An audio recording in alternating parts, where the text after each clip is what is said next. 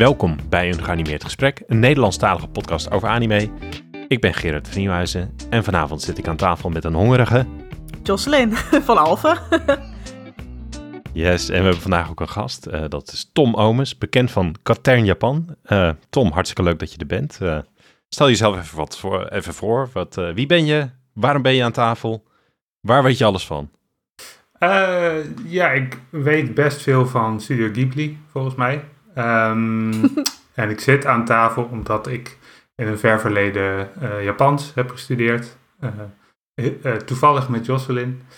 Um, en um, ja, dat is wel de belangrijkste reden. Uh, je zei net Kater Japan. Uh, dat is de website die ik uh, ja, als hobby nog bijhoud over Japan. Want ik mm -hmm. doe in mijn werk iets heel anders. maar die website die, die draait nog steeds. Dat doe ik al tien jaar. In het begin veel met studie, ex-studiegenoten. Je kunt Jocelyn daar ook zeker nog vinden als je, als je goed zoekt. tegenwoordig, ja, ja, ja. trouwens Gerard, jij staat er zelf ook op. Uh, met wat ja, stukjes klopt, ja, ja, uh, over anime. Uh, want dat, dat is een mooi brugje. Dat is wel een beetje een, een soort hiaat in, in onze, onze kennis en kunde. Wij weten zelf, en met wij bedoel ik de mensen met wie ik het nu nog bijhoud. Dat zijn op dit moment vooral mijn vader Kees en mijn broer Pim. Wij weten zelf niet heel veel van anime. behalve van Studio Ghibli. Want die films daar, daar kan ik geen, geen genoeg van krijgen. Die ben ik eigenlijk continu met een rewatch daarvan bezig. Dus daarom, was, daarom was dat dan ook een. Was dat ook de, iets wat je met, met, met de rest van de familie dan ook kijkt? ja, die films? Zeker, ja. Dat, was, dat herinner ik me nog heel goed. Mijn vader kwam een keer thuis met een dvd van de Free Record Shop en er stond Spirited Away stond daarop. En ik had geen idee, want de enige oh, anime ja.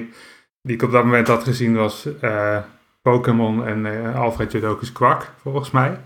Um, Ja, ja, dus ja. ik dacht, nou, dat gaat een half uurtje duren en dan is het weer, uh, weer over. Maar uh, het ging maar door en het werd steeds gekker. En uh, um, ja, toen, daar is het wel begonnen, denk ik. Ja, zeker. Ja, ja, en ook voor je vader en je, en je broer dan? Of, Ja, klopt. Dat was echt een ervaring met het hele gezin. ja, en interesse in Japan Nou, had ja. mijn vader al wel hoor. Dus ja, we hadden het er al wel eens over gehad. Maar daar, ja, dat was wel echt de soort van gateway naar de studie Japans en, uh, en meer Ghibli-films, inderdaad. Ja, ja wat, wat, wat, wat betekent Ghibli voor jou dan, dan nog meer? Uh, naast een, een uh, tas van een free record shop en verbazing alom? Ja, um, naarmate je meer met Japan bezig bent, ook als je het, ja, het geluk hebt dat je het kan bestuderen, vindt ook steeds meer -hmm. uit die films een plek. Um, snap je inderdaad de verwijzingen meer. En ga je ook eigenlijk zien dat het um, vooropgesteld is allemaal heel erg vreemd. Als je er in eerste instantie naar kijkt. Um, maar het heeft ook dat magisch realistische, wat je misschien ook wel, uh, als je de boeken van Haruki Murakami bijvoorbeeld oh, ja. leest. gewoon met dingen die eigenlijk niet kunnen, maar als volstrekt normaal aan de kijker worden ge geserveerd, zeg maar. waardoor je er zelf ook ja. in gaat geloven. Dat vind ik echt ja, de, de kracht van die films. Dat het werelden zijn die, uh, die kloppen voor je gevoel. Uh, waar je echt in kan verliezen, daarom ook. Ja, ja. ja. ja dat magisch realisme zou je, zou je dat kunnen noemen.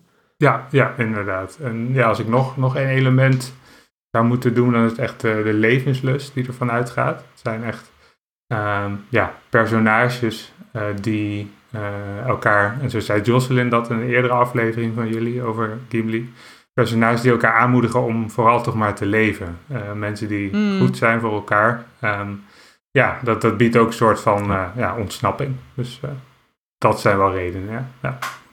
En dan natuurlijk die prachtige muziek van meneer Joe Hisaishi. De mooie piano deuntjes die dan zo aanzwellen. En dan ook de tijd, zeg maar, die ervoor genomen wordt. Hè, voor, voor shots, voor uh, een shot van voor regendruppels op een raam. Of uh, uh, een personage dat gewoon zich beweegt door die wereld. En dan dat je er zo in zit. Het is echt zo, er zijn zo de meesters van show don't tell, hè. Dus er worden weinig dingen echt heel expliciet uitgesproken. En inderdaad, dat zeg ja. je heel mooi, dat, dat die werelden gewoon serieus worden neergezet. Dat je het gewoon aanneemt van, oh ja, is zo. En dan ga je mee, zonder dat er heel erg uit wordt gelegd, dat je verbaal van hoe de regels van de wereld zijn. Ja, nee, klopt. Het is allemaal uniek. Uh, klopt, uit context op te maken. En uh, ja, gewoon ook films die, die de tijd durven nemen en ook uh, het verhaal durven te laten ademen, zeg maar. Dus je zit niet door hetzelfde vreemde dingen die er gebeuren, maar je valt niet van de ene verbazing in de andere. Je krijgt ook de tijd om, om bij te komen. ja, dat is gewoon, dat maakt het een heel prettige kijkervaring. Ja, voor mij in ieder geval. Ja, want het is wel frappant, want je bent verder niet, helemaal niet zo'n anime-kijker. Uh, hoe, hoe komt dat? Ja, dat, uh, ik, ik heb er wel over nagedacht hoor. Want uh, nou, ik word door bepaalde vrienden regelmatig raden ze me Full Metal Alchemist aan.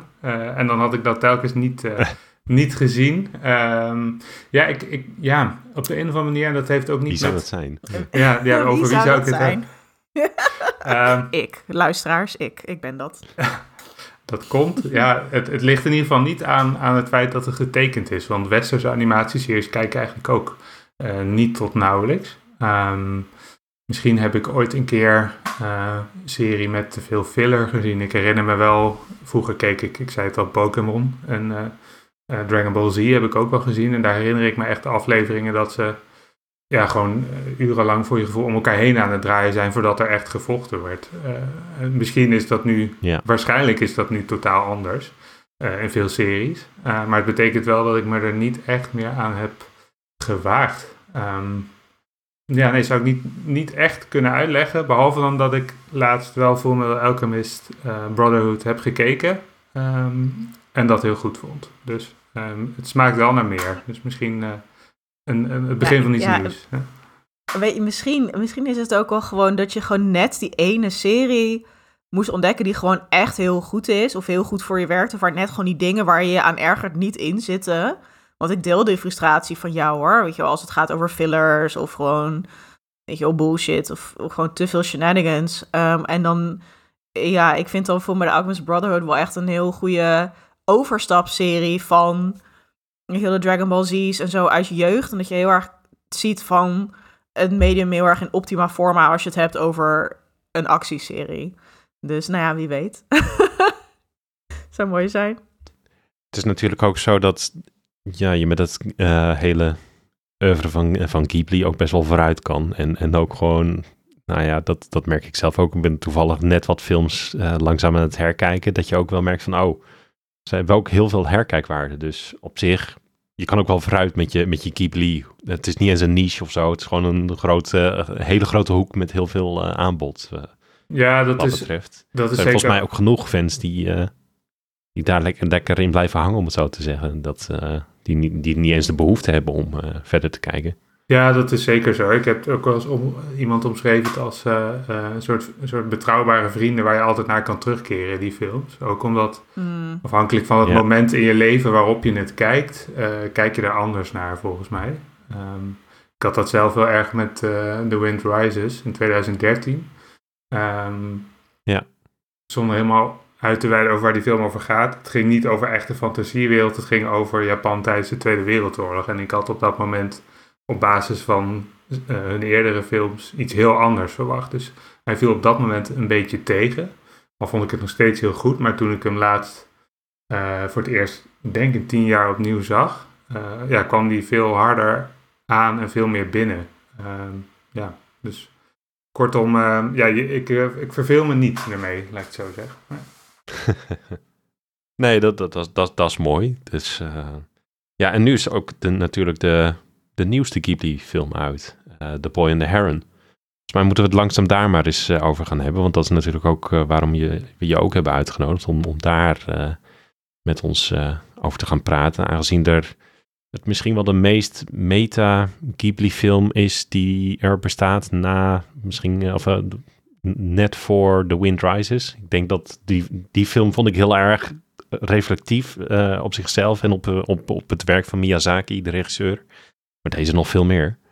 Um, en uh, Josh, je had er een quote over, over The Boy and the Heron. Hè? Ja, want ik heb een heel mooie recensie gelezen uh, in Empire, op de website van Empire. Uh, en Ben Travis, die regisseert dan deze film en hij heeft er heel veel mooie dingen over te zeggen. Maar een citaat wat me wel bijbleef en wat ik zelf ook heel erg qua gevoel onderstreep, is dat hij zegt van, hé, hey, nu dat deze film bestaat, want het was, ja, het is best wel een soort klein wonder dat hij bestaat, want tien jaar geleden zou Miyazaki met pensioen gaan na The Wind Rises. Dat voelde inderdaad al nou ja, een heel soort zelfreflecterende film. En misschien zelfs een beetje autobiografisch. Ehm, en een soort logisch einde aan zijn carrière. Maar uh, Travis die zegt dan van, nou ja, nu dat deze film bestaat, is het, is het onmogelijk om je voor te stellen dat Miyazaki dit niet heeft gemaakt. Ehm, en dat, dat, dat vond ik wel heel mooi, want ik voel het ook wel heel erg, zeg maar, dat deze film zo onvermijdelijk voelt. En toch tegelijk is het heel bijzonder dat hij er is. Um, dus ja, jij, hebt, uh, jij bent hier ook ingedoken, Tom. Ook in, over Katerina Japan heb je er ook een stuk over geschreven... over de totstandkoming van deze film. Um, kun je ons eens meenemen uh, over hoe dat is gegaan, dat bijzondere verhaal? Ja, hij, uh, er is een aantal documentaires, zeker de, de, de latere jaren van Miyazaki, gemaakt. Onder meer door NHK, de, de Japanse publieke omroep. En ze hebben ook, Ghibli heeft zelf ook twee, twee documentaires uitgebracht. Eh, van, van eh, Miyazaki in zijn, zijn, het latere deel van zijn carrière. En um, allereerst is het niet de eerste keer dat hij zijn pensioen aankondigde na de Wind Rises. Dat had hij op dat moment al nee, nou, nee, nee. uit het hoofd vier keer gedaan. Um, en toch, ja, iedere keer uh, kruipt, het, kruipt het bloed toch waar het niet, niet, niet gaan kan bij hem, zeg maar. Um, mm. En ik heb toen ook nog teruggezocht. Uh, in 2013 The Wind Rises is uitgekomen en dan vertelt hij uh, dat hij ermee gaat stoppen. Maar hij zegt niet, uh, ik ga thuis zitten. Hij zegt, ik wil eigenlijk nog tien jaar uh, in het Ghibli Museum. Wil hij helpen tentoonstellingen inrichten. Hij wilde nog korte films maken daarvoor. hij wilde gewoon net iets meer tijd hebben om te doen waar hij zin in had. Daar kwam het eigenlijk, eigenlijk vooral op neer. en ja, in de loop der jaren, ik geloof in 2017, ja, is er toch weer een idee in hem, in hem opgeborreld. Uh, ja, en dat is deze film. Um, en dat is wel een citaat dat me bijbleef. Um, in een van die, in die documentaire die ik net noemde van NHK wordt ook zijn zoon Goro wordt geïnterviewd. En die legt ook uit, ja, het enige moment waarop mijn vader echt het gevoel heeft dat hij leeft, is wanneer hij films kan maken. en hij zou dat zelf waarschijnlijk nooit zo direct zeggen. Maar ja, het, het feit dat, dat deze film er is, bewijst wel dat, het, dat Goro zijn vader goed kent, denk ik. Ja. Ja, dus eigenlijk had hij gewoon nog heel veel te vertellen. En je hebt dan wel eens, weet je dat je ja, ouder wordende artiesten, de Rolling Stones, de Pesh Mode en zo, dat je denkt van ja, die maken nog steeds albums, maar eigenlijk hebben ze niet meer zoveel te vertellen. En dan vind ik het zo bijzonder dat zo'n man die nu 83 is, dus nog gewoon heel veel te vertellen nog heeft. Want er zit zoveel in deze film.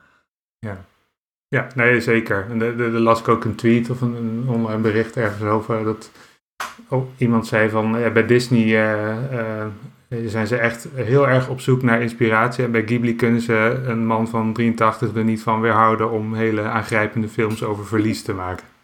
Dat vond ik wel een mooie vergelijking. Zonder dat ik Disney daarmee trouwens uh, wil wegzetten. Maar het is wel, ja, het, het, het, er is veel inspiratie, nog steeds. Ja, zeker. Ja, ja. en ik, wat ik mooi vind, dat hij is best wel een soort Noorsige man. Ook als je hem ziet in de documentaires. En weet je wel, heel bot en heel eerlijk. Ja, um, ik weet die quote van hem nog over dat iemand hem iets van AI laat zien in 2016. Een soort zombie die zichzelf voortbeweegt. Dat hij daar dan gewoon zit en dat hij dan gewoon zit te morren van, ja, dit is gewoon een belediging voor het leven zelf. Gewoon best wel spijkerharde man soms. En dat, terwijl er toch zoveel ja, inspiratie en creativiteit en ideeën in die film zitten. En dat gewoon al zijn joy gaat gewoon daar naartoe, stel ik me dan voor. En ik ja, vind het ook heel erg... The Boy and the Heron vind ik ook heel erg een film die voor mij ook ja, gaat over natuurlijk de jongen en de reiger en de zoektocht in de toren. Weet je wel, de andere wereld en dan het redden van de moeder. Dat is een beetje het plot. Maar ook heel erg een film die gaat over creativiteit, voor mijn gevoel. Wel, het, het, het scheppen van werelden en uh, dat de inspiratie als een soort komeet letterlijk in deze film gewoon zo naar je, naar je toe komt. Um, alsof je er niks aan kan doen. Alsof je het ontdekt. En dan doe je wat met die ontdekking en je schept iets. En dat is zo'n parallel met hoe Miyazaki werkt. Um, maar goed, misschien loop ik een beetje op de zaken vooruit hoor. Want dan ja, ging ik het nog een beetje hebben over de thema's. Ja, ja ik, ik, ik, wou- ik wou hier, hier mijn vinger opsteken en eh, een soort van de, de luister verte- eh, vertegenwoordigen, eh, luisteraar vertegenwoordigen met de vraag, hey, waar gaat The Boy and Heron over? Ik- kan je me de vijf minuten samenvatting geven, want eh, ik, ik woonde niet in de buurt van Alphen om langs te komen toen we met z'n allen de film hebben gekeken. Of ik heb de kans niet om hem te zien of ik luister deze aflevering in 2033. Waar gaat The Boy and the Heron ook alweer over? Kan je het kort samenvatten? Ik, ik vind het moeilijk namelijk. Ja, ik vind het ook moeilijk. Want op papier is het ja, best wel... Het doet het gewoon aan Spirited Away denken. Als je hem op papier uitlegt. Ja, Je- we, we nemen een kind, right? En het kind gaat over de magische drempel naar een andere wereld... om een ouderfiguur te redden. Te redden. Nou, dat is Ja. eigenlijk Spirited Away. Maar dit, eh, wat dit dan zo anders maakt... Nee, alle, heel veel dingen maken dit anders dan Spirited Away. Maar dit is een jongetje... Dat gaat over het jongetje Mahito. En hij vlucht met zijn vader naar het platteland... tijdens de Tweede Wereldoorlog. Ehm, als je iets weet over Japan in de Tweede Wereldoorlog... Nou, ze waren natuurlijk fout. Maar ze zijn ook heel erg slachtoffer geweest. Namelijk vooral van natuurlijk de kernbom... maar ook de vuurbommen op Tokio met name... En dat zie je echt direct in de openingsscène van de film, is de impact daarvan. Eh, en Mahito, zijn moeder, ligt dan in het ziekenhuis in Tokio en die vuurbommen die komen. Nou, en zijn moeder, dat ziekenhuis wordt geraakt, zijn moeder overlijdt. En hij gaat met zijn vader naar het platteland. Zijn vader die is eh, dan hertrouwd met de zus van eh, zijn moeder. Dat is wel een beetje een soort saillant detail. Ehm, en er, er is een kindje op komst. En vader gaat aan het werk in de munitiefabriek. En Mahito komt een eh, reiger tegen die tegen hem zegt: Yo, eh, ik heb je moeder. En op een gegeven moment volgt Mahito die, rei, die reiger naar eh, de toren waar dan zijn moeder zou zitten. En dan ja, ontvouwt zich het hele spektakel, het fantastische spektakel. Dat is waar het over gaat. Even heel, niet heel kort, maar kort genoeg. Ja, en, en wat er in die magische andere wereld nog meer voorbij komt, los van, van een, reddingstocht van, van de moeder zijn, is onder meer een, een zoektocht of, of een, eh, dat, dat hij een oud oom tegenkomt die misschien die toren heeft gebouwd die eh, in, die in die gigantische achtertuin daar zo ligt, eh, waar, ze eerst, waar ze eerst zit in de echte wereld. Wat, wat kom je, komen we nog meer tegen? Ehm, rare wezentjes uiteraard. Veel goede little guys. En wat er dus ook. letter- letterlijke, letterlijke poorten van de hemel, hel, wat symboliseert het? Vrij letterlijke symboliek soms ook. Ja, ja, vogels, pelikanen, par, eh, een soort humanoid parkieten. Parkieten. En ook mensen. Ja. Dus hij komt dan een, eh, een jonge versie van een dienstmeisje tegen van het huis. Dus dat zijn een van de zeven omaatjes. Heel goede omaatjes. En eh, een jonge versie ook van zijn moeder. En dat is heel frappant. Dus, dus de, de tijd, zeg maar, houdt zich ook niet aan de regels daar. Want dus een van die oude omertjes vertelt dan aan de vader van Mahito over... ja, er gebeuren hier gewoon rare dingen met die toren.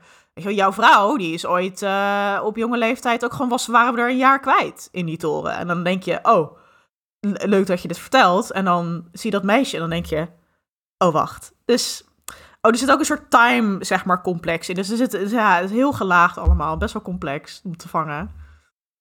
En ook bewust niet heel erg uitgelegd of zo via een mechanisme of zo. Het, het is niet van, oh, we hebben een magische tijdklok aan de muur hangen die dit of dat doet, om, eh, om het zo maar te zeggen. Of Ja. een wezen. Maar ook hier, ja, het Nee, is gewoon zo. Ja, het is gewoon zo. Ja. Wat ging je zeggen, Tom? Ook, nou ja, dat, dat, dat ehm, zoals een haal heb je bijvoorbeeld eh, zo'n een soort klokje dat verspringt. En dan op dat moment stap je dat, het, het Hall's Moving Castle uit en dan ben je op een andere plek, zeg maar. Dat voelt allemaal heel grijpbaar. Eh, hier is dat niet inderdaad, want Ja. ja. ja, ze gaan die toren in, maar in plaats van dat ze de trap opklimmen, zakken ze door de vloer. Dus eh, het, het kan letterlijk alle kanten op. Eh, en dat is inderdaad wel heel bijzonder. En, ehm, je had het net inderdaad over dat zijn vader hertrouwt met eh, de zus van zijn moeder. Misschien herinner ik me dat niet helemaal goed, maar voor mijn gevoel wordt dat ook niet meteen uitgelegd dat het de zus van zijn moeder is. Alleen dat ze er heel erg uitziet zoals zij. Mhm. En blijkbaar was dat trouwens een gebruik in die tijd om te voorkomen dat het familiekapitaal eh, in vreemde handen viel. Dus dat schijnt vaker te zijn gebeurd in Japan. Oh, Dus- kijk.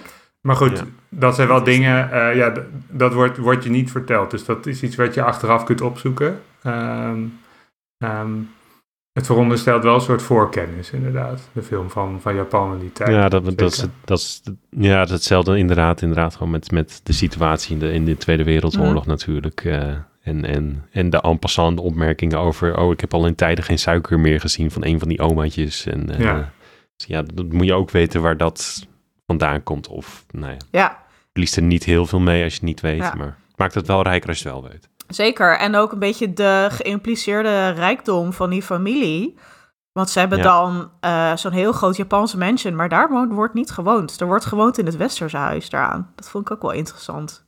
Ehm, en eh, Oh, ook, we kunnen het niet onbenoemd laten, is natuurlijk ook de parallel met Miyazaki zelf. Die ook als kind gevlucht is voor de oorlog naar het platteland. En zijn vader werkte ook in een wapen- of munitiefabriek. Weet je wel, zoiets. Ehm, dus ja, dus het is, dat komt heel dichtbij. En ik denk ook als je de... Ja, wat, wat mij ook ja, zo bijblijft, is eh, die openingsscène met die Vlammenzee. Dat Jochie, is dan aan het rennen door die Vlammenzee eh, op weg naar het ziekenhuis, naar zijn moeder. En ja, dat, dat, je voelt bijna die hitte en die paniek. En het is zo uniek geanimeerd. Zo on-Ghibli bijna. Je moet dat echt zien om te geloven. En eh, wat heel tof is, is dat die dus ook is geanimeerd door eh, iemand die heeft meegewerkt aan Akira. Uit 1988. Eh, en even kijken hoor, eh, wie was dat ook alweer? Even een naam eraan koppelen. Ehm, God, ik had dit ergens opgeschreven. Eh, Shinya Oira. Ja, die. En ja, dat is gewoon zo. Kijk, je ziet die vuurbommen in. ehm, ja, in andere Ghibli-films ook, weet je wel. Een uh, Grave of the Fireflies gaat hier ook over, maar dit maakt heel zoveel impact. En dan dat scherpe contrast met dat stille platteland, waar heel veel tijd aan wordt besteed. Zo bijzonder. Zeker. Hey, als, we, als, we, als we nu de thema's er eens bij pakken, want nu hebben ze een beetje wat table setting gedaan over gewoon wat komt er allemaal in voorbij. Het, is een beetje magie, ook magisch realisme. Je moet er maar in meegaan in wat, wat deze wereld doet. Wat, wat, Tom, wat, eh, wat is het thema waar jij het meeste hebt nagedacht na de film nog? Oh, ik denk, ja, waar ik het daar straks toch al over had, denk ik, leren omgaan met verlies. Ik denk dat dat, eh, dat stak er voor mij wel bovenuit. Ook als je, eh, we hadden het net over, zijn, hij verliest zijn moeder aan het begin en zijn vader hertrouwt met, eh, met zijn tante inderdaad. Maar eh, het verlies van zijn moeder, dat is een van de belangrijkste thema's in het leven van Miyazaki toch ook wel. Eh, Dus Mm. als je dat Ja, eh, dat weet, dan, ja, dan kijk je er toch anders naar. Ehm, en zijn moeder die is trouwens niet in de oorlog eh, overleden. Eh, die is volgens mij net voor of net na het afronden van eh Nausicaa. Zijn eerste, nee, zijn tweede, tweede film die hij geregisseerd heeft, is hij overleden. Dus is wel nog oud geworden. Maar toen hij heel jong was, had zij tuberculose, waardoor ze in ieder geval niet in staat was tot fysieke affectie tonen aan, eh, aan haar kinderen. Terwijl eh, ja, de jonge Hayao Miyazaki was wel een, eh, een kind dat dat nodig had. Eh, dus voor zijn gevoel, ehm, ja, hij is niet daadwerkelijk opgegroeid zonder moeder. eh, maar voor hem ja, voelt dat wel zo. Eh, en op de een of andere manier, eh, ook al is het niet precies hetzelfde als in zijn eh, echte leven, heb ik toch het gevoel dat hij een soort van, eh, ja, dat hij een soort van vrede mee vindt met eh, het verlies van zijn moeder. En toch ja, een soort van leert, leert door te leven. Ook al is Mahito natuurlijk eh, veel jonger dan eh, Miyazaki nu. Ja. Ja, en Ja, want daar wordt, daar wordt ook heel lang bij stilgestaan. Wat, wat, wat, eh, wat Jocelyn al zei in, in, in die openingsact is eigenlijk dat hij daar... Die duurt ook zo lang omdat hij echt bevroren zit in, de, in dat verdriet van het verlies van zijn moeder. Van, aan de ene kant heb je dan de, de- opeens de nieuwe moeder die ten tonele verschijnt... waar die zich eigenlijk geen raad mee weet en, en wel affectie van wil... maar ook zich tegen afzet tegelijkertijd... maar niet per se opstandig ook is. Dus hij weet zich er ook geen raad mee. Dan heb je die vervelende reiger die elke keer op de deur komt kloppen. Dat hij, dat hij zoiets heeft van sodemieter op, laat me met rust. Ik wil gewoon, ik wil terug naar hoe het was. En ik weet dat het niet kan, maar ik wil ook niet per se een magische wereld in. Dus rot op met je, je moet je, ik heb je moeder. daar- daar geeft hij ook best wel lang niet aan toe Mhm. in het begin van die film. Hij wil gewoon eigenlijk een, een status quo die niet meer bestaat. Dat, dat, dat vond ik, dat kwam binnen omdat het, dat- het eh, inderdaad daar de tijd voor nam. Ik moet wel zeggen, als je, als, je, als je dat niet per se voelt of zo tijdens het begin van die film, dan kan ik me ook wel voorstellen dat je denkt van, nou, wanneer gaat hij nou eens een keer naar die toren toe? Want, eh, jongens, Ja. Ja, en wat ik wel mooi vind, is dat wat dan de doorslag geeft, is dat, eh, ja, op een gegeven moment klapt er gewoon iets in hem. Maar ja, Ja. ook dan die, die tante van hem, die Natsuko, ja, die verdwijnt ook dan. En dan zijn ze haar aan het zoeken. En het is natuurlijk, nou ja, zij zit dan ook in die toren. En dan blijkt het dat, dat zij de moeder is die hij moet komen redden. En wat ik ook heel interessant vind, is dat zij eigenlijk die gevoelens van afwijzing die hij naar haar voelt, wat niet expliciet wordt gemaakt, maar je ziet dat, je voelt dat, de spanning, hij houdt de boot af. Maar dat zij dat heel expliciet maakt als hij haar dan tegenkomt. Ja, dat zegt, ik kan, jou niet, ik kan jou niet luchten, ik kan niet eens naar je kijken. En dat heeft natuurlijk heel veel lagen, weet je wel. Natuurlijk de, de pijn met dat hij de zoon van haar overleden zus is. Maar ja, ook eh, zij is de stiefmoeder. En ze doet dan wel in het begin, eh, ik ben je nieuwe moeder. En weet je wel, heel erg die rol spelen.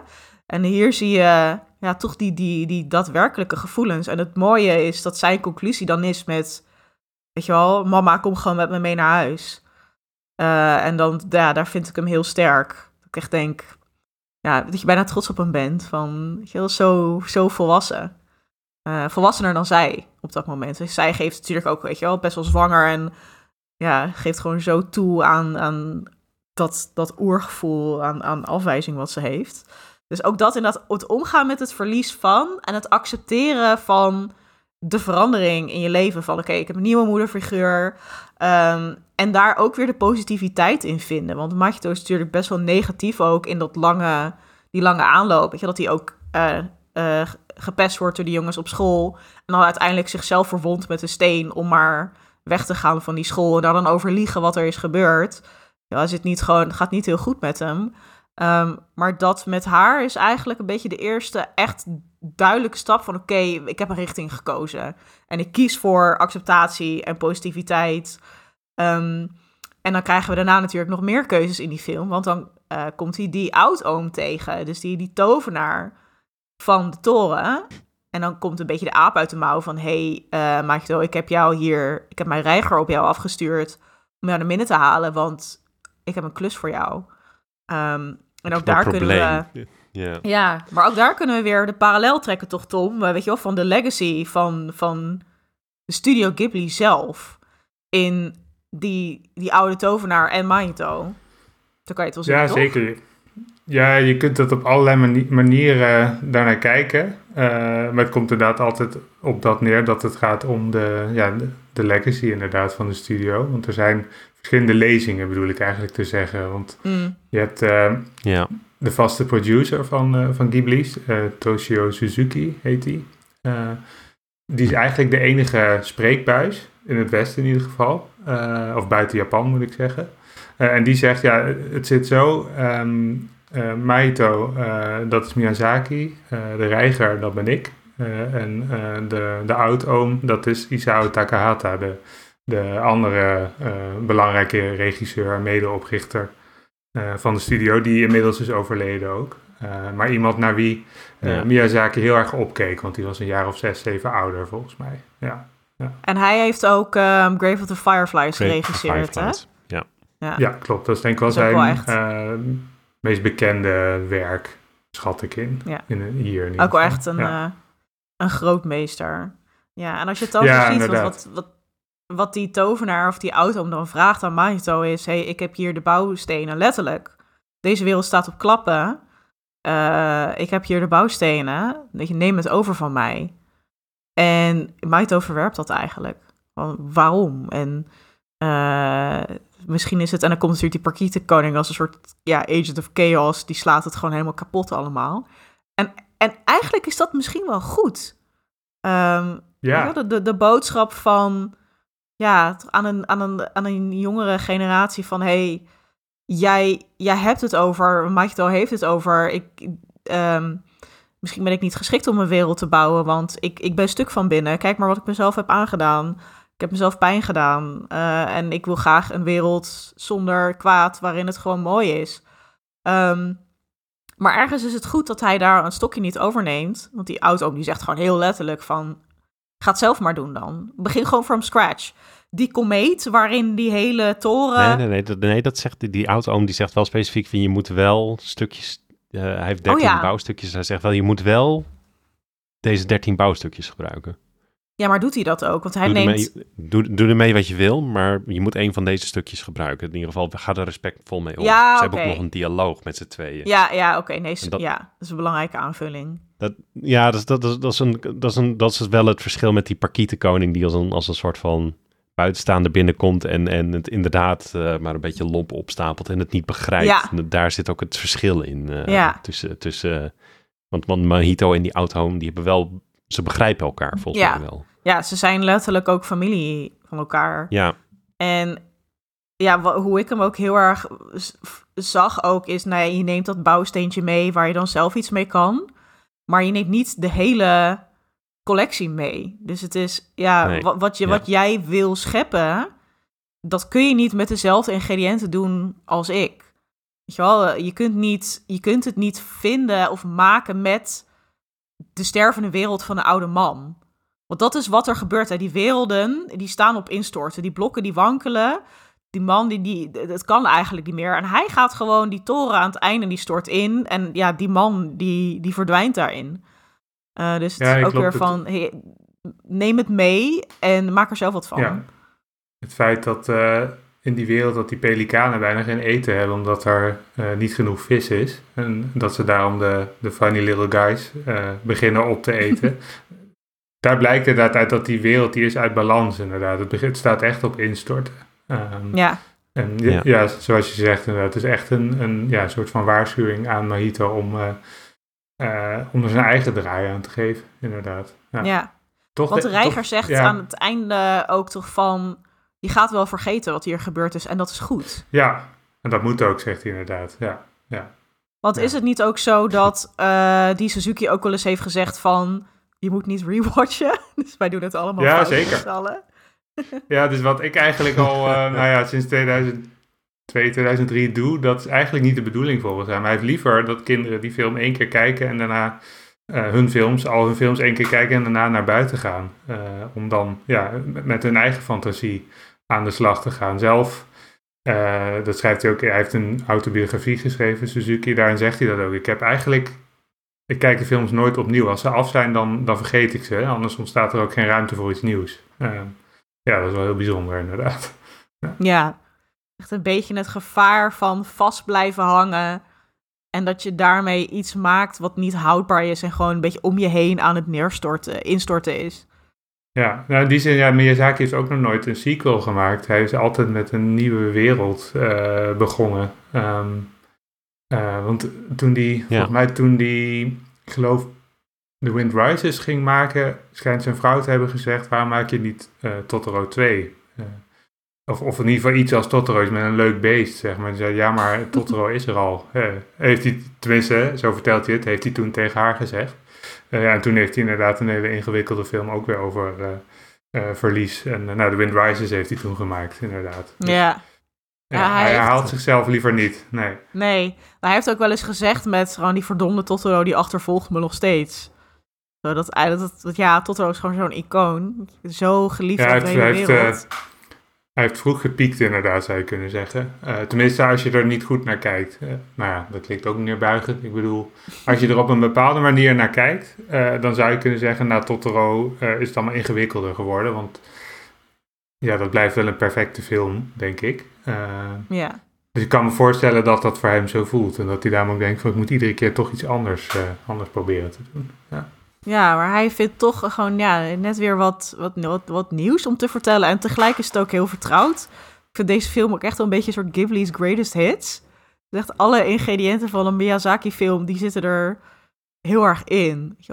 En, en, en ik vind hem ook heel ehm, self-referential. Dus dat je knipoogjes ziet naar Ja. Nausicaa, eh Mononoke, Castle in the Sky, Laputa, Spirited, Spirited Away, Away. Hals, Ponyo en ook stukken Totoro. Die, die komen gewoon terug. Weet je, je hebt de funny little guys, je hebt die eh, die, die shells van die, die vliegtuigen, die koepeltjes waar mensen mee lopen. Net zoals in Je Nausicaa. die trap... eh, je hebt, je Ja. inderdaad een letterlijk shot dat, dat, dat iemand een trap afrent, net zoals Sen in Spirited Away. Ja, Die, dat, dat, dat was echt shot voor shot. Ja. Maar dat was, was wel zo'n, als je het ziet, hartstikke leuk. If En you als know, je you het know. ziet, verlies je niks. Ja, precies. ja, dus ik denk wel, want dit werpt natuurlijk ook wel een beetje de vraag op over van, oké, eh, hoe meer je weet, hoe meer je begrijpt en hoe meer je geniet. Ik denk dat, ook al weet je, heb je helemaal geen voorkennis, ga je, denk ik wel dat, dat iedereen ziet van, hey, dit is heel bijzonder en prachtig en mooi geanimeerd.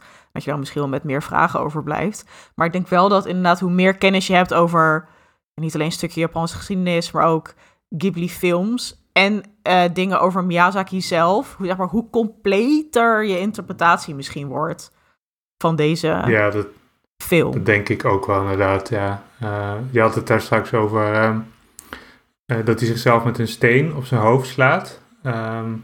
Het schijnt ook dat dat een soort van uiting van zijn schaamte is. Omdat hij, eh, ja, zijn vader werkte, zijn echte vader, dus de vader van Miyazaki, die, die, die had geloof ik zelfs een vliegtuigonderdelenfabriek. Eh, Mm, Dus hij hoefde ook niet inderdaad, zoals de kinderen uit zijn klas op het land, eh soort van vrijwillig, maar dan gedwongen te helpen. Ehm, dat schijnt een soort van uiting daarvan te zijn. Dat gevoel van schaamte dat hij, ja, dat hij goed wegkwam. Dat hij het brandende Tokio heeft kunnen ontvluchten. Daarom schijnt hij zichzelf. eh, tenminste, zo zou je het kunnen uitleggen dat Mahito zich daarom Oh ja. inderdaad eh, op zijn hoofd slaat met die steen. Ja. Dus inderdaad, hoe meer je over Miyazaki weet, eh, kan ik me voorstellen dat dan dingen wel meer landen. Ja, dat denk ik wel. ja. Ja, want dat zijn wel een beetje geluiden, zeg maar, van... Ja, die ik ook heb gehoord van... Ja, ik, ik, vond, ik, ik snapte het niet, dus hij... Dus ik vond hem tegenvallen. En denk ik, ja, dat snap ik ergens wel. Ehm, het is ook, ja... Ja, er wordt weinig eh, Ja. uitgelegd, maar ook weer genoeg uitgelegd, vind ik. Maar het is, het is niet een, een instap Ghibli-film, denk ik. Ik denk dat je het beste be- kunt beginnen met Howl's Moving Castle. Dat je dan Mononoke kijkt en dan Spirited Away en dan deze. Oh, En dan The Wind Rises ook nog en dan deze. Ik denk dat je als je dat allemaal zo...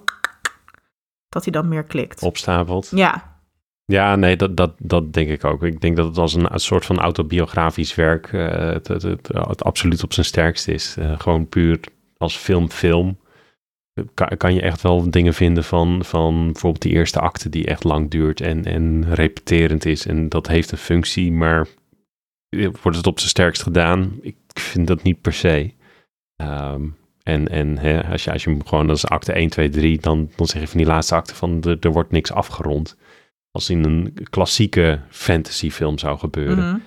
kan, je, kan je ook wat van vinden. ja. Ehm, zoals ik al zei, dat, dat, ehm, ik, ik kan me echt voorstellen dat je dan denkt van ja, oké, maar acte 1 en 3 doen niks met elkaar of zo. Maar dat, dat is ook niet per se het punt van die film. Nee. Ehm, Nou, ik, ik, ik, ik denk ook dat het ook gewoon een soort andere manier van vertellen is. Eh, weet je, het is meer een soort snapshot. Eh, en dat het is een moodboard. Het doet me denken aan ehm, een soort eh, eh, een vier-act plotstructuur, wat we veel zien in Aziatische verhaalvertelling. En dat heet in het Japanse Kisho Tenketsu. En dat is eigenlijk een, een, een plotstructuur zonder conflict. Het is eigenlijk een soort snapshot. Iets begint, acte 1, 2, 3, 4, klaar. En dat is gewoon een heel, dat is gewoon een vertelvorm die je eigenlijk niet ziet in het Westen. Ehm, ik weet nog ook dat ik een, eh, een heel mooi boek heb gelezen onlangs van eh, Ocean Vuong. Dat heet On Earth We're Briefly Gorgeous. En dat is een Vietnamees-Amerikaanse schrijver en dichter. En hij houdt ook die structuur aan. Dus het is echt een snapshot en een series aan snapshots en dan eindigt het gewoon. En dat is ook eh, iets wat je terugziet in Ghibli, dat einde, ja, het is gewoon patsboom over. En dan denk je, oh. Ehm, en ik denk dat het misschien ook weer een soort waardevolle context is om een beetje eh, te weten. Eigenlijk, again, ja, hoe meer je van dit soort kennis vergaart, hoe groter je waardering misschien. Of in ieder geval hoe groter Ja. je Ja, completer de interpretatie. Dat is wel een mooie Ja, die, ehm, en... eh, dan ga Oh, ja, verder, nee. ga verder. Ja, wat ik inderdaad wilde, die plotse eindes, dat komt ook omdat ehm, de storyboards en het script zijn vaak niet af voordat ze beginnen met animeren. Dus wat, in ieder geval de, de laatste, denk ik, vier, vijf films van Miyazaki zijn, eh nou, eh, 200, 300 mensen bij Ghibli zijn heel druk bezig met animeren. Eh, en dan komt er altijd een moment waarop ze eh, ja, gewoon geen, eh, geen landingsbaan meer hebben, zeg maar. Omdat Miyazaki die nog niet getekend heeft. Hij zit dan een soort van vast met waar het verhaal naartoe moet. En dan komt de producer altijd, Suzuki altijd vragen van wanneer hij van plan is om het af te maken. Want anders dan zitten er 200 mensen zonder werk. en dan vindt hij altijd wel een einde. maar het kan soms inderdaad heel plots aanvoelen. Zoals in deze film, maar bijvoorbeeld ook in Howl's Moving Castle aan het eind naar het kasteel uh, dondert uit elkaar. En de uh, vogelverschrikker blijkt ineens de prins van het land te zijn waar ze oorlog mee hebben. En de oorlog is over. Zonder te... Dit is, altijd al wel, hè? Kiki's Delivery Service is ook... Uh, ja. oh, iemand is uit de luchtballon gerend, gered. Een minuut later, credits, had ze day. Ja, dus inderdaad, net als iemand zei een keer over, net als het spannend wordt bij Kiki, inderdaad, dan is het over, zeg maar. Voor, terwijl, ja, dat klopt, dat voelt inderdaad zo. Ja. Uh, en dat is dus ook nu weer aan het eind. Uh, ja, ik weet niet of we veel willen spoilen, ja. maar nou, de toren stort in. Uh, we hebben alles al gespoild, joh. Ja, dat, dat... ja, dat is waar. Nou, het laatste shot kwam voor mij ook wel als een verrassing. Want ze verlaten inderdaad na de oorlog het landhuis. Maito heeft zich neergelegd, of eigenlijk zijn nieuwe moeder volledig geaccepteerd. Dat is een nieuw kind. Hij loopt de kamer uit en het scherm wordt met blauw in mijn herinnering. Echt uh, Studio Ghibli blauw. Ja, dat was, uh, ja, was klaar. mij ook inderdaad, ja. Ja, ja maar dat, dat, aan de andere kant, als, je, als je hem zo met deze context ook uitlegt, dan heb je eigenlijk ook niet meer nodig. Wat dat betreft is het ook, is dat dan wel, wel weer grappig. Naar het einde toe voel je dat de film af is en dan is, er wordt er heel kordaat ook afgerond. Terwijl, ja, zoals ik al zei, de kritiek die ik zelf ook een beetje bij, de, bij, deze, film, bij deze film heb, is dat die eerste acte misschien wel even ja. even op gang moet komen voor, uh, voor je gevoel. Dus dat, dat, dat, dat, dat is typisch. Uh, daarin zijn andere films wat strakker, ook van, van Ghibli vind ik zelf. Uh, als, je, als je kijkt naar Spirited Away of zo, dat, dat, dat heeft echt een vliegende start wat dat betreft, om het wat te noemen. is misschien wel het andere, andere uiterste, maar... Ja, maar ook daar is de introductie ook best wel kort. Hè? De, de scène wordt heel ja, snel nee, geschetst. Dat is ook. Ja, nee, dat volgt, was mijn punt. Die volgt ook een beetje die Quixote en Ketsu structuur. Introductie, ja. kort introductie. Dat best wel lange build-up. Weet je wel, ook in, in Spirited Away wordt er veel tijd genomen voor haar dagelijkse werkzaamheden. En dan krijg je de twist. Die is aan, aan de, redelijk aan het einde. En dan vrij kort daarna, pff, conclusie. Um, dat is gewoon ja, best wel een structuur waar Wel, welk van je ouders uh, is, uh, of welk van deze varkens is je ouders? Geen van, geen van deze, goed geraden, oké, okay, gefeliciteerd, tot ja, ziens. Ja, en dat kan ik me voorstellen als je, als je ja, dat, daar dat weinig hebt gezien, dat je denkt, nou, dat is een beetje afgeraffeld. Terwijl je kunt veel zeggen over Ghibli-films, maar dat ze afgeraffeld zijn, dat, nee, dat, die verwerp ik. Dat, dat verwerp ik wel echt. ik, uh, ik, ik ga deze quote out of context pakken en ik zet hem op een uh, poster van uh, The Boy and Heron, afgeraffeld, Jocelyn van Alphen. Wat controverse genereren voor de, voor de kliks. Ja. Ja, en dan heel kleine vorm niet afgeraffeld. Ja, precies. Ja, niet. Ja. Je kunt veel zeggen, maar niet dat het afgeraffeld is. Ja. Nee, al is het ook maar omdat het gewoon ontzettend veel tijd en moeite kost om alles te animeren. Dus er wordt wel uiteraard goed nagedacht over. Uh, ja. Ik bedoel, het klopt, het verhaal is niet af als we beginnen, maar uh, ja, het, het, het, einde is soms plots, maar nooit. Uh, het, ja, het voelt nooit incompleet. Nooit onverwacht. En ook nooit onverwacht. Nee, nee, nee, nee. nee. Nee, en... over, over, einde, over eindes gesproken, ik wou uh, zo meteen het ook nog eens even hebben over van, goh, wat, wat hierna eigenlijk met Ghibli. Maar jij wou nog wat zeggen, Jos? Um, nou ja, ik vind, het, ik vind het plotselinge einde ook heel erg, uh, van het is nu aan de kijker. Van doe er zelf wel mee. Wat, de rest kunnen we zelf misschien wel invullen. Je ziet dat kleine kindje, dus dat kindje is geboren. Dus het, het, het, het ja, halfbroertje van Maito is geboren. En ze gaan weer terug naar Tokio. Ja, wat, wat wacht er daar op ze? We weten het niet. Maar het is ook niet, het doet er niet meer toe. Want de conclusie is geweest. De twist is geweest. De twist is, de toren valt. En uh, Maito gaat zelf uh, er wat van maken. Ja, wat, wat, wat valt er nog meer te zeggen? Welke strik moet er nog om? Ja, volgens, dat, dat, dat is misschien uh, nou ja, dat is de vraag die ik misschien net even uh, al kort stelde. Um, ik, ik, ik mocht ook een, uh, kort introductiepraatje doen uh, toen de film ook draaide in Alphen aan de Rijn. Um, en toen zei ik bewust van, ik ga niet zeggen dat dit de laatste Miyazaki-film is, want ik denk gewoon dat hij gaat blijven tekenen en dan op een gegeven moment houdt het op. En dat kan zijn omdat zijn volgende film klaar is. Of ja, hij is nu. Is hij nu net 83 of is het nog 82? Ik dacht dat hij net 83 uh, was ondertussen. Klopt, ja. ja. Um, dus ja, hij is echt aan de, aan de leeftijd. En, en nou ja, er zat tien jaar tussen. tussen uh, zijn vorige volledige speelfilm. Want hij heeft ook nog een korte film ertussendoor gemaakt. Dus ja, ik denk, wat ik zelf nog denk is dat hij gewoon nog nieuwe kleine projectjes zal gaan doen.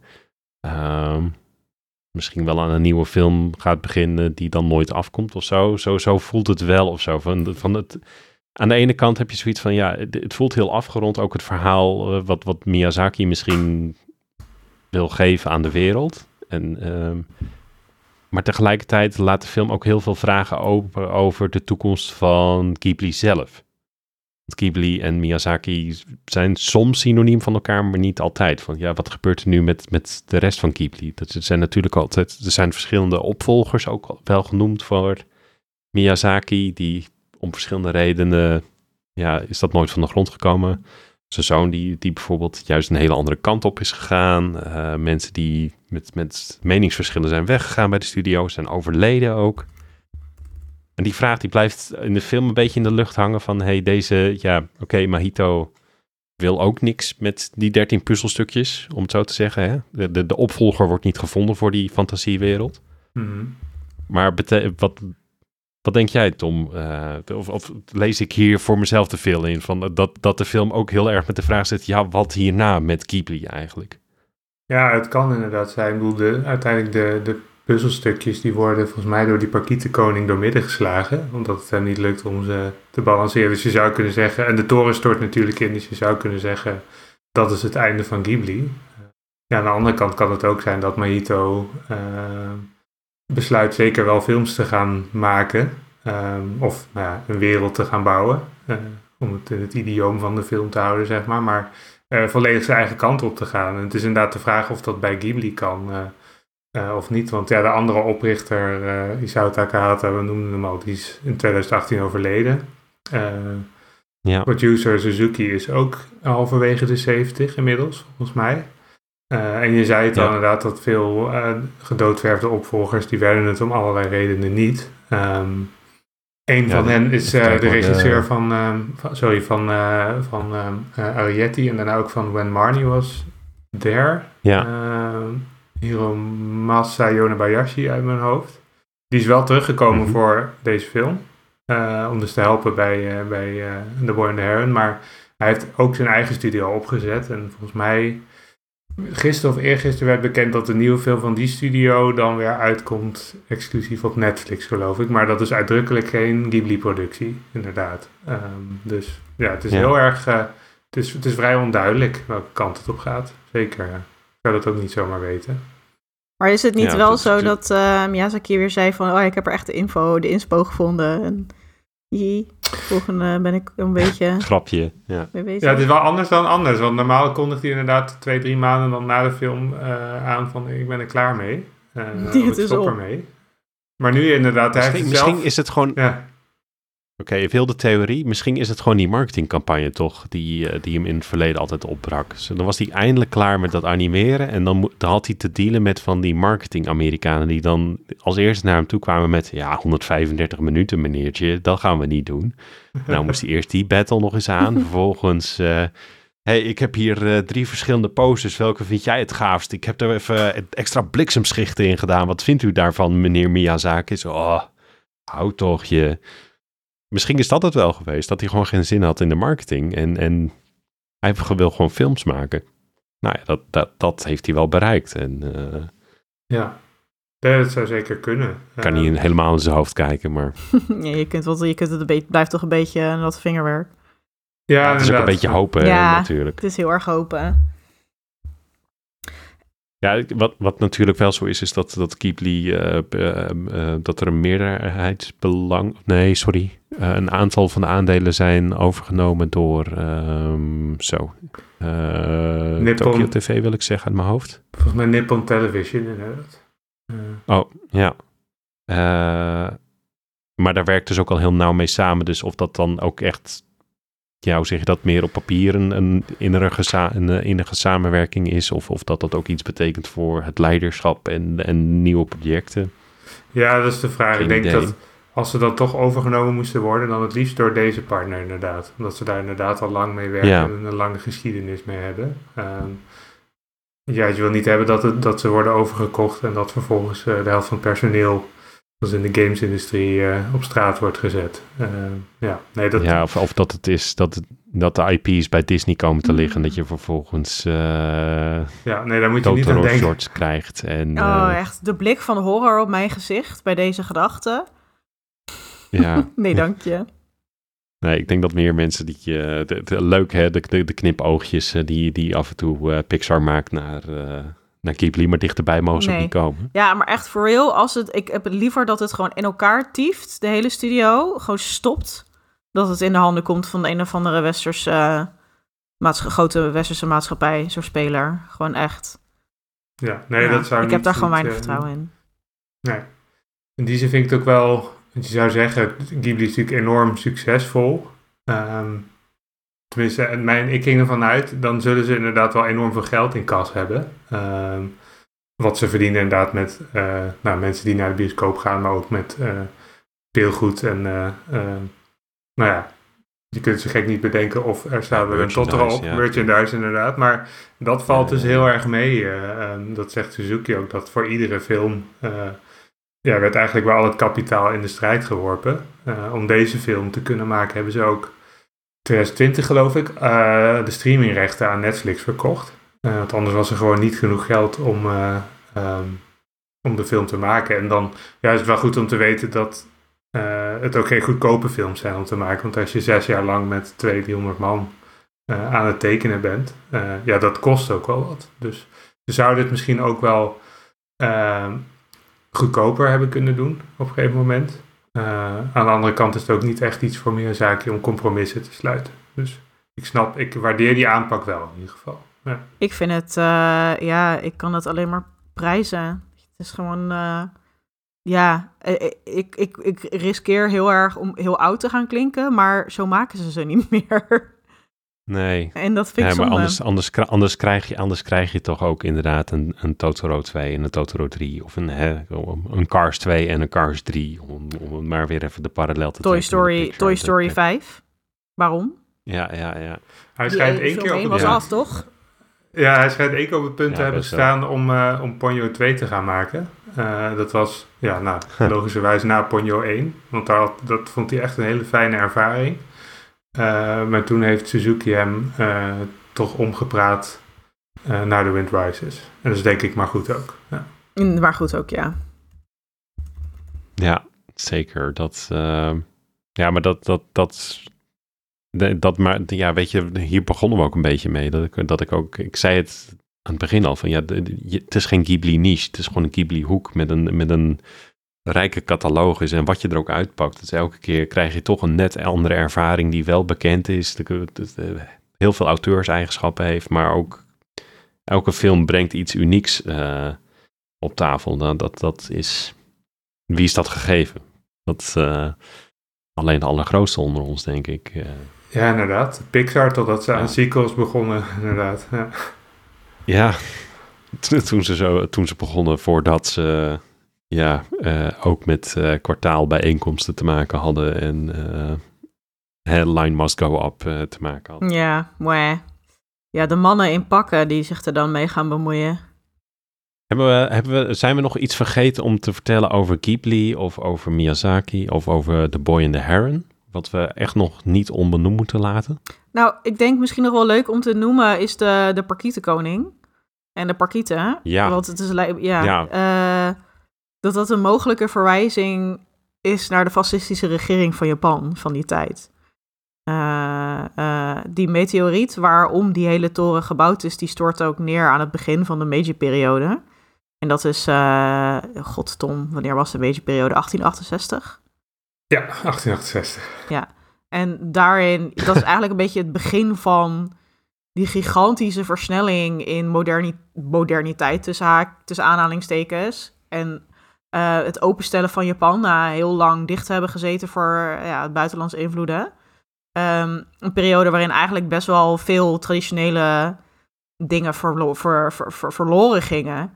Ehm, maar goed, ja, het, het is... Uh, ja, het is zoals, je, zoals je zei, dat grote traditionele huis waar ze in aankomen, maar dat ze wonen in het westerse huis dat ernaast staat. En dat het, ik weet ik zat inderdaad in de bioscoop en achter mij hoorde ik mensen daar verbaasd over zijn. Van, goh, ik wist je dat uh, dat Japan zo modern was op dat moment. En dat ze in uh, westerse auto's reden, inderdaad. En uh, dat ze in pak liepen.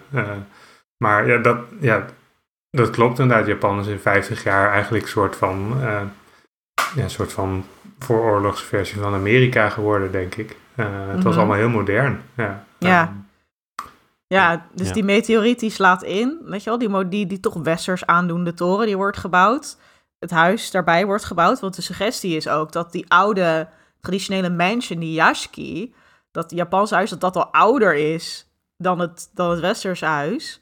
Ja, en daarin heb je ook parkieten die zich een beetje zo, ja, op een soort Westerse koning. Ook het woord koning. Het is geen keizer. Um, ja, en dat ze zich toch wel een beetje fascistisch lopen te gedragen. Ja, wat zegt dat? I don't know, daar kun je ook weer op een andere manier naar kijken. Ehm, maar ja, in ieder geval ook... Ja, Japan had ook gewoon best wel een soort westersachtig leger in die tijd, volgens mij. Ja, ze hadden volgens mij ook wel katana's bij zich. Maar ja, toch ook de guns en zo. Dat zijn toch echt allemaal dingen die, die import zijn. Dus daar kun je ook alweer een soort parallel in trekken. En dat vind ik ook alweer... Ja, toch ook wel weer Ghibli-esque, hoor. Want als je ook kijkt naar Princess Mononoke, hebben ja, de mensen die de natuur bedreigen, die hebben ook de geweren. En, en uh, als je kijkt naar Spirited Away, daar worden ook uh, importauto's gereden. Daar hebben we toen nog over gehad in onze aflevering over Spirited Away. Dat die vader van het meisje in zijn Lacoste-polootje aan de linkerkant zit in de auto. En dan stuurt de linkerkant. Dat is een, een westerse importwagen. Dus er ook misschien toch een beetje een soort klein wijzend vingertje met... hey, wat we van jullie importeren is misschien niet altijd even goed.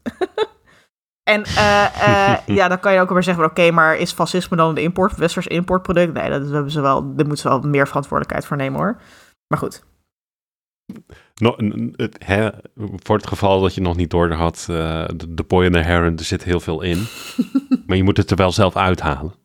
Dat is uh, denk ik een beetje wat, wat, wat, wat die, die film wel samenvat. Uh, tenminste. Ja, ik, ik, ik denk wel dat het veel. Uh, het vraagt misschien wel veel van de kijker. Uh, om tot de completere interpretatie te komen. Dus meer, weet je wel, voorkennis over Tweede Wereldoorlog, Meiji-periode, um, eerdere Ghibli-films, Miyazaki zelf. En hoe meer uh, puzzelstukjes jezelf bij elkaar weet te leggen, hoe completer interpretatie van de film is. Maar ja, nogmaals, ik denk ook van ja, als je niet, als je niet tot, tot geen tot weinig voorkennis hebt, dan kun je er alsnog gewoon heel erg van genieten. Want ik denk wel dat iedereen kan zien dat, dat, dat er hier gewoon iets heel speciaals gebeurt. Op het scherm, dat, dat je gewoon naar een meesterwerk zit te kijken die, waarvan we allemaal heel erg mogen boffen dat hij er, dat hij er is. Dus bedankt Miyazaki. ja, zeker. Ik weet... Ja, Alleen niet hoe, hoe, interessant het voor de wat jongere kijkers is. Want je zei al niet met deze film beginnen, inderdaad. Jocelyn zei je. En ik denk dat dat wel. Want de, ik ben er twee keer naartoe geweest. En twee keer waren inderdaad kinderen in de zaal die. Uh, ja, na een minuut of 20, 25 wel heel onrustig begonnen te draaien in hun stoelen. En naar het toilet gaan. en uh, um, dingen benoemen of vragen aan de ouders. Wat ik me ook gewoon, mm -hmm. ja, gewoon heel, goed, heel goed kan voorstellen. Omdat het. Uh, ja, het, het ligt er niet heel dik bovenop. Je moet wel echt uh, nee. er de tijd ja. voor nemen, ja, zeker. En ik vind ja. dat... Mama, is deze, is deze scène autobiografisch met Miyazaki bedoeld? Of is dit... ja, precies. Die vragen, die, die hoorde ik voortdurend achter me. Ja. Maar ik denk ook, en ik denk ook dat dit een stukje uh, te wijten is aan de marketing hier in het Westen. Want wij in Japan heeft natuurlijk alleen maar die poster gekregen, abstract, en het dropte.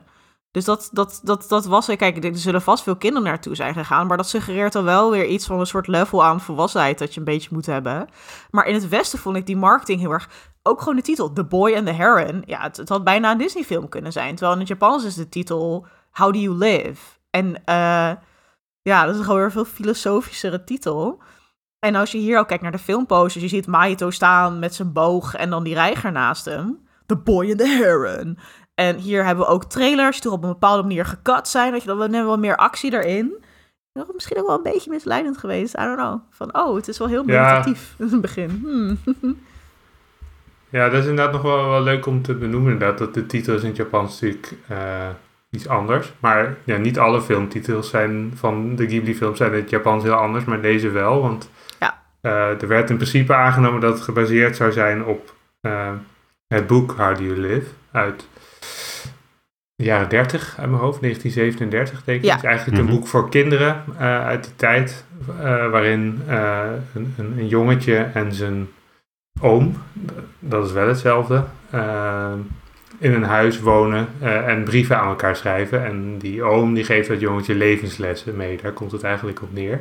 Eh, en omdat er helemaal geen marketing was in Japan voor deze film, werd ja, eh, breed aangenomen dat, nou dan zal het wel gewoon letterlijk een verfilming van het boek zijn.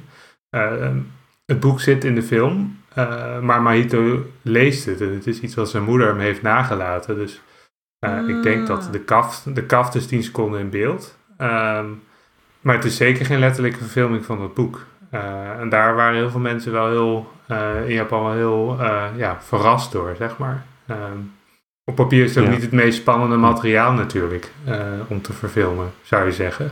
Eh, levenslessen van een oom aan een jongetje. Ehm, in ieder geval niet iets waar, waar Miyazaki zijn eh, pensioen voor opgeeft. Nee. Ja, en het is ook, eh, ja, in dat boek beantwoordt de vraag ook een beetje, van how do you live?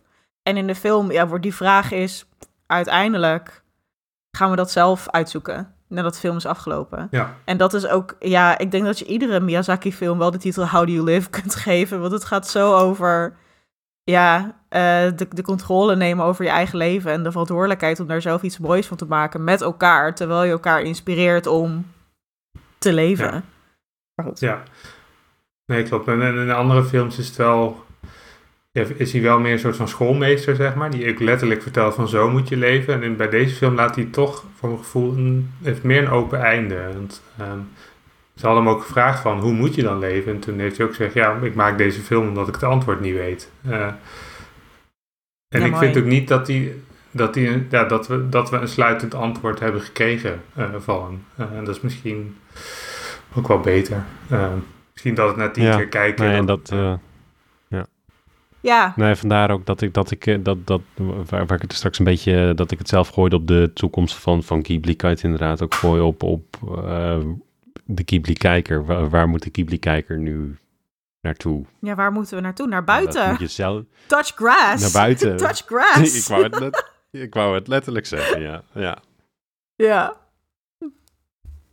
Maar misschien moeten we dat ook maar met z'n allen gaan doen, denk ik. Ehm, dus straks, volgens mij vroeg ik tien minuten geleden, hadden we nog iets te melden. nou, we hadden dus nog wat te melden. Net als een Miyazaki. Maar nu ga ik hem wel echt afsluiten. Ja, ik ga hem nu wel echt afsluiten. Het, eh, ik- de- we zaten niet super strak in de vier actes eh, de- aan het einde. Ik ben de naam even kwijt. Kishot en Ketsu. Eh dankjewel. Eh, dit was een geanimeerd gesprek. Eh, vond je deze podcast leuk? Dat, vonden, eh, dat vinden wij ook hartstikke leuk. Je kan een recensie achterlaten op allerlei plekken. Apple Podcast, Spotify. Ehm, als je dat doet, dan worden wij weer wat zichtbaarder. Krijgen we nieuwe luisteraars. Vinden we alleen maar leuk. We zijn ook op socials te vinden. op Twitter eh, op @animegesprek of op Instagram, TikTok en Blue Sky op een geanimeerd gesprek. We hebben ook een Discord. Kom daar gezellig bij. Daar praten we over allerlei anime. Niet alleen Ghibli, maar ook eh, ja, wat dit seizoen draait. En we hebben ook andere kanalen. Eh, momenteel is eh, het moment van spreken is eh, Like a Dragon bijvoorbeeld net uit. Nou, iedereen zit te wachten op de post. Ik heb hem al wel, anderen niet. Dus ik ben blij, anderen niet. Eh, dat kan je daar bespreken. Eh, we hebben ook een website www.ungeanimeerdgesprek.nl. Daar vind je eh, onder meer onze show notes en eerdere afleveringen en ook kijktips. We hebben van alles en nog wat. Neem er een kijkje. Ook artikelen van Tom bijvoorbeeld kan je ook wel eens vinden bij ons. We, doen wel eens artikelruil, dus ook hartstikke leuk. Dan Tom, hartstikke bedankt dat je er was. Waar kunnen mensen jou vinden? Wat, waar kunnen mensen dingen van jou vinden, lezen? Eh, ja, mij persoonlijk, persoonlijk ben ik niet zo heel goed te vinden op social media. Eh, ik heb natuurlijk wel onze website waar je eh, artikelen van Gerard kunt lezen. En af en toe ook van mijzelf en de andere bijdragers. Dus nogmaals katerjapan.nl. Onder die naam zitten ook op Twitter, LinkedIn, LinkedIn en, en Facebook. Ja, dus eh, kom vooral eh, een keer een kijkje nemen daar als je meer wil weten over Ghibli en eh, Japan in de breedste zin van het woord. Eh, en verder zit ik sinds vandaag ook in de Discord. Eh, dus als ik op zoek ben naar anime tips, dan weet ik waar ik die kan gaan vinden. Gezellig. Jos, waar kunnen mensen jou vinden? Ja, in de blauwe lucht, eh, die Blue Sky heet. Daar ben ik vooral te vinden. En daar ben ik gewoon Jos, D-O-S. Chaka en in de Discord ook. Ja, hè? oh ja, uiteraard. Met, eh, Ja. Tuurlijk, iedereen in de Discord. Nou, super. Nou, hartstikke bedankt voor het luisteren en eh, tot de volgende keer. Bye. Heel abrupt einde nu. Dag! Klopt. Super abrupt.